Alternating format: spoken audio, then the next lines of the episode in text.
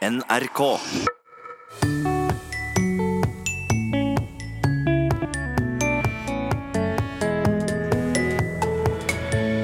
Hva er en vedsnobb? Der tror vi har den norske standardkubben.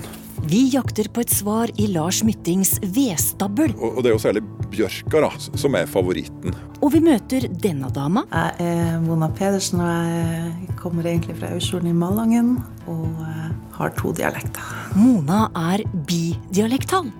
Og vi skal innom en legendarisk TV-sketsj. Vi har i dag eh, tenkt å avlegge et besøk her i eh, Norsk supperåd. Vel møtt til Språkteigens nyttårsmiks.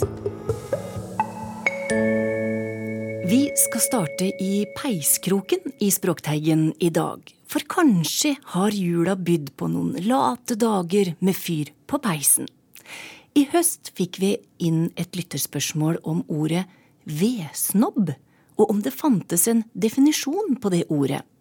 Og da ble det helt naturlig å ta turen til vedboden hans Lars Mytting. Der tror jeg vi har den norske standardkubben. Dette er eh, noe for en vedsnobb. Helt rett eh, kløvd eh, Ja, det er omtrent mer som en, som en byggekloss, da. Enn det er en, et spor av tre som, som, som voksen gang. Lars Mytting er mannen bak boksuksessen Hel ved, men vet han hvordan ordet vedsnobb har oppstått? Jeg tror at dette her er et uttrykk som noen som handler med ved, har kommet med. Eh, antagelig noen gårdbrukere innover eh, bygdene i Norge. Og som da har hatt eh, kunder som har vært mer opptatt av det estetiske eller av bruksverdien i veden. Og som vil ha ganske like vedkubber, gjerne kvartkløvd eh, bjørkeved uten å fillete never, og som skal ta seg pent ut når det er stabla opp rundt eh, den eh, dyre pesen innpå fjellhytta. Hva er kvartkløyvd? Det må du forklare. Nei, Da er det at du kløyver en stokk i fire, slik at du får eh, si, to snittflater på eh, hver kubbe. Og, og det er jo særlig bjørka da, som er, som, det er jo dronninga blant uh, norske treslag, Uh, som, uh, som er favoritten. Hvilke kunder snakker vi om nå? Nei, det er nok eh, ofte, slik jeg ser det for meg, så er det nok eh, nesten bare byfolk. eh, og gjerne det som oss med en annen beslekta uttrykk kaller nikkersadelen. De med lave medlemsnummer i Turistforeningen, og som kanskje er mer opptatt av si, overskuddsbruken av naturen og fjellet enn de som eh, lever tett på den og, si, og, og høster fra naturen. Det skal være pent å se på. Da er vedsnobben fornøyd. Ja, det er en. Men det er òg en like, fast vits der i som at uh, desto hvitere neverne, desto svartere er betalinga. Det var gjerne at de eh, Hvis du treffer på med som den eh, mest håpløse ved snobben, så skal både veden være helt perfekt, men de vil òg gjerne ha et mom momsfradrag i det. Det er en fast spøk i disse kretsene. Ja, for det er et viktig poeng. Uansett om det er med svarte eller hvite penger, så må veden være kjøpt. Hvis du skal være en ordentlig vedsnobb. Ja. Ja, for dette, Det som òg er en viktig skille her, er at eh, dette uttrykket gjelder bare dem som kjøper veden. Du kan heller anklage noe som logger veden sjøl og til eget bruk for å være en snobb. De, de vil da være enten en, en pirk, en millimetermann eller millimeterdame. Eller de vil bare være en, det vi kalle nøye. Og det er utelukkende en bra ting. Og dette tror jeg kommer delvis som i resultatet av det norske sosialdemokratiet. eh, Der oss, eh, der oss beundrer arbeidet, oss beundrer evnen til å, til å gjøre et godt stykke nøye arbeid. Men også beundrer ikke kjøpekrafta på den samme måten. På samme måte som oss, i, eh, oss kan beundre en, eh, en flott Rolls-Royce for karosseriarbeidet og flotte interiørarbeidet. Men oss beundrer ikke dem som hadde pengene til å kjøpe den første gangen. Ikke, for rikdommen, men oss beundrer håndverket. Og det gir seg utslag, utslag her igjen òg. Så nordmenn liker ikke vedsnobber, er det det du sier? Jo, det tror jeg ikke har noe eh, Jeg tror ikke det har noe eh, Det er ikke noe uttrykk som jeg tror er vanlig, altså. Det er ikke det. Men grunnen, grunnen til at det oppstår, til at vi i hele tatt kan bruke det, er at det er en eh, I dette her så er det en slags sortering som ikke er i harmoni med naturen. Fordi at etter en sesong med høgst, så vil du støtt ha veldig mye ved som er krokete og rar, og du må ha tine osp og aurdre og grån. og og, og fått eh, mange treslag i, i stabelen. Og noen vil være krokete, som ikke i hele tatt er i stand til å eh, gi oss denne her rake, kvartkløvde kubben som, som dette her. Eh, noen vil ja, være flisete og, og oppskurvete. Men de hører òg med, og de gir akkurat like god varme som da den perfekte kubben. Mm. Så det er nok det at dette eh, tar oss over i et eh, det minner oss på en type sortering da, som oss uh, ikke har så lett for å akseptere så godt. Så det vil si at egentlig så rommer sjølve ordet vedsnobb Ja, vi tenker på en som er litt pertentlig på veden og vil ha pen ved, men det rommer mer? Ja, det gjør det. Og det er en jeg, jeg, tror at det òg, i hvert fall på de, de kildene jeg har sett fra England, så er det at det òg har gått videre i, i, samfunnet, særlig i mellomkrigstida. Og det gjaldt dem som da prøvde å kle seg til en posisjon, og som eh, dressa seg opp eh, og, og, hadde væremåter som eh, prøvde å gi dem innpass i et høyere sosialt lag enn de egentlig tilhørte. Og Dette er jo fremmed for oss, men i et klassedelt eh, samfunn som, eh, som, England var, så eh, er det lettere å se at disse situasjonene oppsto. Men tilbake til veden, da. En snobbete vedkubbe. Rett, kvartkløvd og hvit i nevra. Den har jo òg fyringskvalitet. Den er ikke bare jålete. Nei, Det er jo litt paradoksalt, fordi at alle tilstreber jo egentlig da den, eh, den perfekte estetiske veden. For det er også slik at ren og fin ved er òg støtt god ved. Det syner at den er som regel haugd om vinteren, at den ikke har vært dri etter søle og jordbakke. Og gitt gode tørkeforhold, slik at det ikke har kommet da svertesopp eller, eller mugg på den. Mm. Så alle tilstreber jo å ha så pen og fin ved som mulig, rett og slett av den grunn. Vi fikk hjelp av forfatter Lars Mytting til å utdype ordet vedsnobb.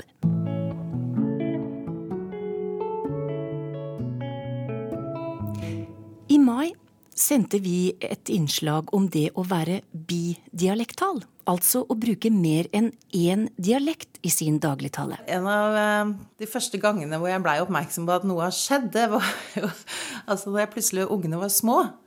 Og så krangla de kjefta på hverandre. Og så snakka de nordnorsk når de gjorde det. og da tenkte jeg hva i all verden er det for noe? Det er ulike grunner til hvorfor noen blir bidialektale. Og dem som er det, veksler mellom dialekten på ulike måter. Men i ei doktoravhandling kom det fram at noe bidialektale har felles, er at de velger å holde det skjult. Hvorfor er det slik? Det blir jo litt sånn Rasmus Montanus at du på en måte Det du kommer fra, er ikke bra nok. Det er det jeg tror mange sånn, ikke, ikke, bevisst tenker, men har en følelse av, da, når man skifter.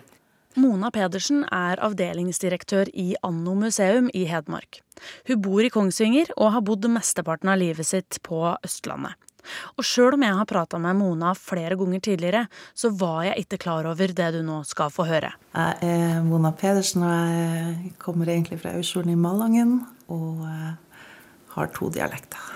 Mona er det som lingvister kaller bidialektal, men det er absolutt ikke naturlig for henne å prate nordnorsk med meg. Det er overhodet ikke naturlig. Det er veldig sånn Jeg tenker på hvert ord før det kommer ut. og og kjenner også på at liksom, tonefallet blir ikke så naturlig, eller det er ikke samme flyten som om jeg hadde snakka med barndomsvenninna mi, f.eks. Vi skal høre mer om eh, Mona sine unger som krangler på nordnorsk, og åssen hennes eh, dialektiske transformasjon skjedde. Men først skal jeg introdusere ei som har forska på det å være bidialektal. Jeg heter Rikke van Nummeren, og jeg jobber på Institutt for lærerutdanning ved NTNU. Rikke står bak den mest omfattende forskninga som er gjort på bidialektale språkbrukere i Norge, og har tatt en doktorgrad på feltet. Og før vi går videre, så skal hun få gi en liten definisjon. En bidialektal språkbruker er jo på en måte dialektversjonen av en flerspråklig språkbruker. Så det er en person som har tilegna seg å bruke mer enn ett norsk talemål eller en norsk dialekt i det daglige. Et helt fast svar med to streker under er det vanskelig å gi, men hun har oppdaga noen fellestrekk. Det er flytting som på en eller annen måte ser ut til å være en fellesnevner for veldig mange. Eh, og da kan det være enten at personen sjøl har flytta på seg, eh, i tidlige barneår f.eks., eller at den har vokst opp eh, sammen med en familie som har flytta på seg, sånn at den har foreldre som prater annerledes enn resten av omgivelsene. Sånn at den utvikler seg som bidialektal mellom familiesfæra og resten av eh, lokalsamfunnet. I jobben med doktorgraden fant hun fram til 13 personer som er intervjua grundig. 13 personer som har forskjellig bakgrunn, som har ulik erfaring med å være bidialektal, og som har et ulikt forhold mellom dialekten de veksler mellom. Og så har jeg til slutt prøvd å slutte litt fra det de sier, og deres erfaring og, og måten de bruker språk på, til forhold som er mer generelle for det norske språksamfunnet.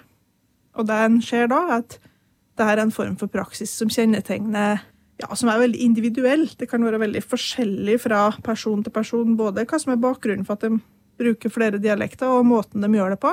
Men de har en del like erfaringer med det å være bidialektal i en norsk sammenheng. Og det gjør at jeg har kunnet slutte meg til noen ting eh, som er litt mer allmenn for det norske språksamfunnet. da med visse forbehold. For eksempel så viser det seg at flere av dem hun har prata med, velger å holde det skjult at de har flere talemål. Og det er jo litt interessant. Jeg skulle jo tro at eh, det tolerante norske språksamfunnet syntes det var helt OK å variere mellom ulike dialekter i det hele tatt. Men eh, det ser ut til å være noen normer som sier at eh, det å ha flere norske talemål som du bruker, det er ikke helt uproblematisk, da. Det ser ut til å være særlig to eh, forestillinger om språk som står ganske sterkt i en norsk sammenheng, som bidrar til at det å bruke flere norske dialekter kanskje kan oppleves litt utfordrende for enkelte. Og det ene er måten å tenke om språk og identitet på. Vi har liksom en oppfatning av at vi har én identitet, som er liksom kjerna av den vi er, og at mm. den henger på en måte sammen med dialekten vår på en eller annen måte. Eksempel at du snakker sånn som du gjør fordi du kommer fra en bestemt plass, og mange mener det er viktig å holde fast ved den måten å snakke på. Da. Og en annen sentral forestilling er at det finnes rett og feil måte å snakke en dialekt på. At du kan snakke mer og mindre ekte dialekt, f.eks., er det mange som snakker om. Og jeg tror begge de forestillingene her er noe som bidialektale konfronteres med, eller kan konfronteres med. Mona Pedersen har kjent på begge deler opp gjennom åra.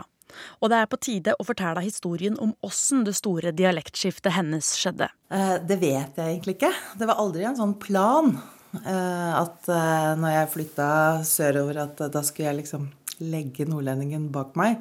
Og den er jo ikke bak meg, den er jo med fortsatt. Men det har over, over tok mange år, tror jeg. Så bare glei det liksom over. Ifølge van Ommeren er det helt vanlig at det skjer på den måten. Ikke noe bevisst valg, ingen av-knapp. For Mona sin del så er det ingen på-knapp hell. Men når det føles naturlig, så triller det nordlandske toner ut av munnen hennes.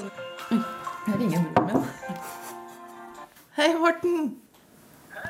Du vet Nei, du ødelegger ingenting, vet du. Du faktisk, du faktisk gir.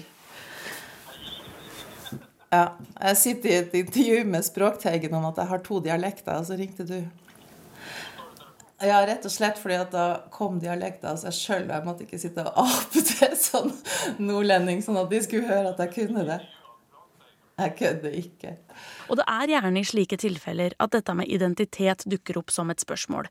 For kan en som prater nordlending og en som prater østlandsk være samme person? En nordlending forbindes med noe annet. Altså, da er du så frimodig, og da er det masse humor, og du er litt rå i kjeften, og, ikke sant? mens østlendingen er mer formell og skikkelig og ja, kanskje litt mer autoritær, eller liksom ja, for, Forbindes ofte med sånn andre typer verdier, da.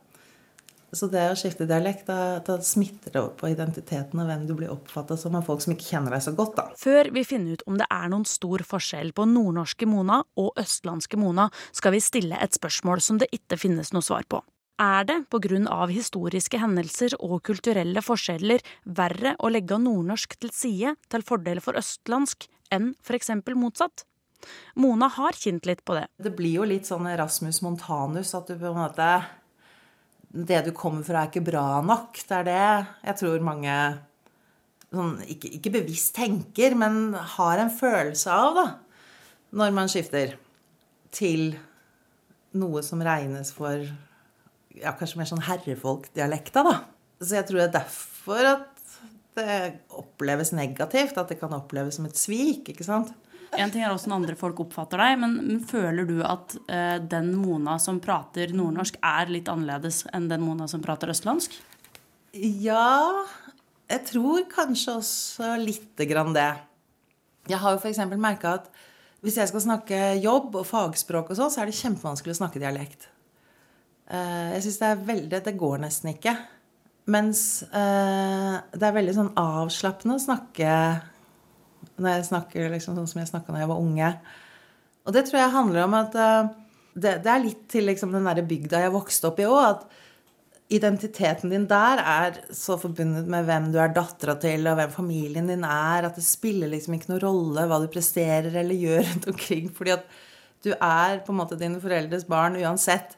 Og det kan være litt sånn frustrerende, og så kan det være utrolig deilig at du er akkurat like bra eller dårlig, da. Uavhengig av hva du, hva du, på en måte leverer. Så jeg kjenner nok på den Det er en sånn type avslapping at uh, jeg bare er, da. Men til slutt skal du sjølsagt få høre forklaringa på språkbruken til Mona Pedersen sine kranglende unger. Det er akkurat som si, om du snakker et annet språk, uh, så klarer du ikke være liksom, autentisk sint på noe annet enn ditt genuine morsmål. Så de hadde jo opplevd det at hver gang jeg var sint på dem, så slo jeg om. Så det blei liksom sinnaspråket i heimen, det var nordlending. Det sa Mona Pedersen til Språkteigens reporter Helle Therese Kongsrud.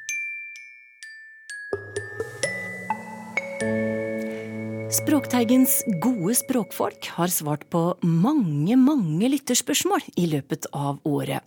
Og et av dem var henta fra en legendarisk TV-sketsj.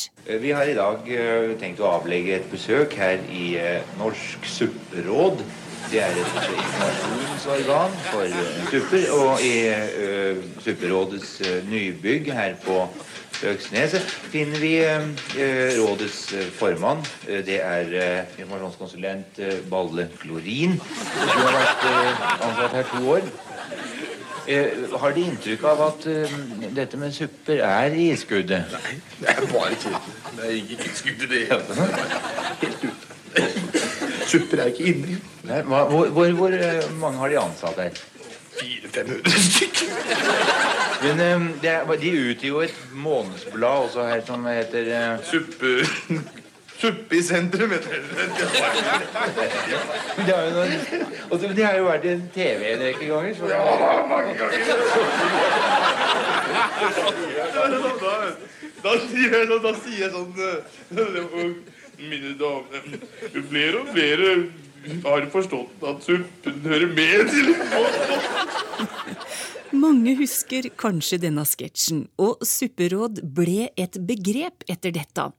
Men eksisterte uttrykket supperåd før 1969, eller ble det etablert nettopp av Wesensteins geniale sketsj? Den betydningen som vi forbinder med Wesensten, den ble nok etablert i 1969. Og jeg er enig i at dette her er en genial sketsj. Eh, jeg tror veldig, veldig mange ser for seg, særlig Harald Heide Steen jr., som, som, ler så han knapt nok kan puste i rollen som informasjonskonsulent, Balle Klorin, i Norsk supperåd. Eh, så, så der, har du, der har du en særegen betydning av supperåd. Og der er det jo kort sagt et ja, la oss kalle det et særdeles ineffektivt råd, som også er ganske unyttig. Eh, og det, og det, har blitt brukt mer og mer og mer etter denne sketsjen også. Det har jo en ganske nedsettende klang, kan man si. Og det er faktisk også så vidt jeg har sett, blitt påtalt ganske ofte i stortingsreferater. Der er det ikke populært at du, altså at du, at du betegner råd som supperåd. Eh, men, men, ordet, det fantes eh, før 1969. Men med en mye mer konkret betydning. Jaha. Eh, og jeg eh, slo bl.a. opp i en bok som heter 'Bordets gleder', Oi. fra tidlig 1950-tall. Og der kan vi få et godt supperåd til damene. Og nå må du holde deg fast, for der står det nemlig Enten mannfolk er av den omgjengelige sorten, eller de er hustyranner, så elsker de suppe. Så her er rett og slett supperådet å servere suppe til din mann. Så der har det en, en litt, en litt annen betydning. Ja. Ikke fullt så morsom, nei. Nei, Du har tilsvarende supperåd i en del aviser eh, fra samme tidsrom. Eh, Der kan du også få supperåd om å la en melen potet koke med i suppen istedenfor å bruke meljevning. Eh, skulle du være så uheldig å ha en litt for salt suppe, så kunne du la en sølvskje koke med de siste minuttene. Så, så det er mange supperåd, men, men ikke i den betydningen som vi forbinder med Wesensten. Nei, så det var rett og slett sånne konkrete råd om, om suppe. Det, det, det gjør ingenting, jeg. Og, og takk for det. Første amanuensis ved Universitetet i Oslo, Toril Oppsal, har svart på mange lytterspørsmål i Språkteigen i året som har gått. Her altså om supperåd.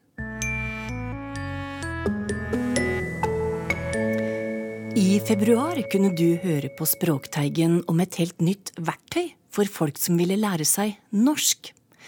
Noe av det vanskeligste å få til når du skal lære deg et nytt språk som voksen, er nemlig språklyda. På NTNU i Trondheim hadde de utvikla en ny app med språkøvelser som var tilpassa brukeren. Bil. Pil. Wow. Per. Per. I et møterom på NTNU i Trondheim sitter Hong og Hen med en mobiltelefon. Bris. Pisk. Telefonen tilhører Marie Jacobsen Lauvås. Hun er sjef i firmaet Sounds Good, og på telefonen sin har hun en testversjon av en app. Med denne appen kan folk som skal lære seg norsk, øve på akkurat de norske språklydene som er vanskelig for dem. Dette er første gang noen har utvikla et hjelpemiddel hvor folk får tilpassa øvelser etter sitt eget morsmål. Noen språk er jo veldig like. For så er jo norsk og tysk er jo mer likt f.eks. enn norsk og vietnamesisk eller norsk og kinesisk. Så skal en tysker lære seg norsk, så er det ikke veldig mange lyder man egentlig må trene på. Men skal en kineser prøve, så er det jo 10 000, skal jeg si. I hvert fall, i hvert fall over 100. Og det gjør jo at uh, de to forskjellige morsmålsgruppene trenger helt ulikt uttaleopplegg for å egentlig få en tilpassa undervisning. Hong og Hien kommer fra Vietnam. De er språkforskere og på besøk på NTNU i en helt annen sammenheng.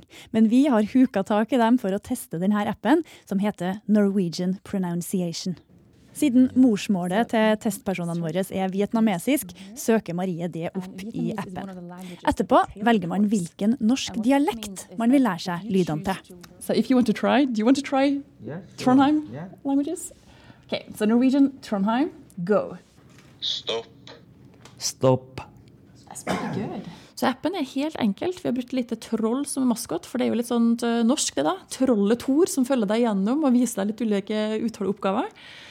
Og da, er det jo, um, og da er det sånn at det er fire ulike oppgaver du blir trent i inne i appen. Og Den første oppgaven den eh, introduserer deg til såkalte minimale par. Og Det er egentlig to ord som er så like at de skiller seg fra hverandre med bare én enkelt lyd. Base. Pace. Og så gir vi etterpå gir vi brukeren en ny oppgave som handler om å huske lyden. Altså internalisere hva var det egentlig jeg identifiserte i den første oppgaven.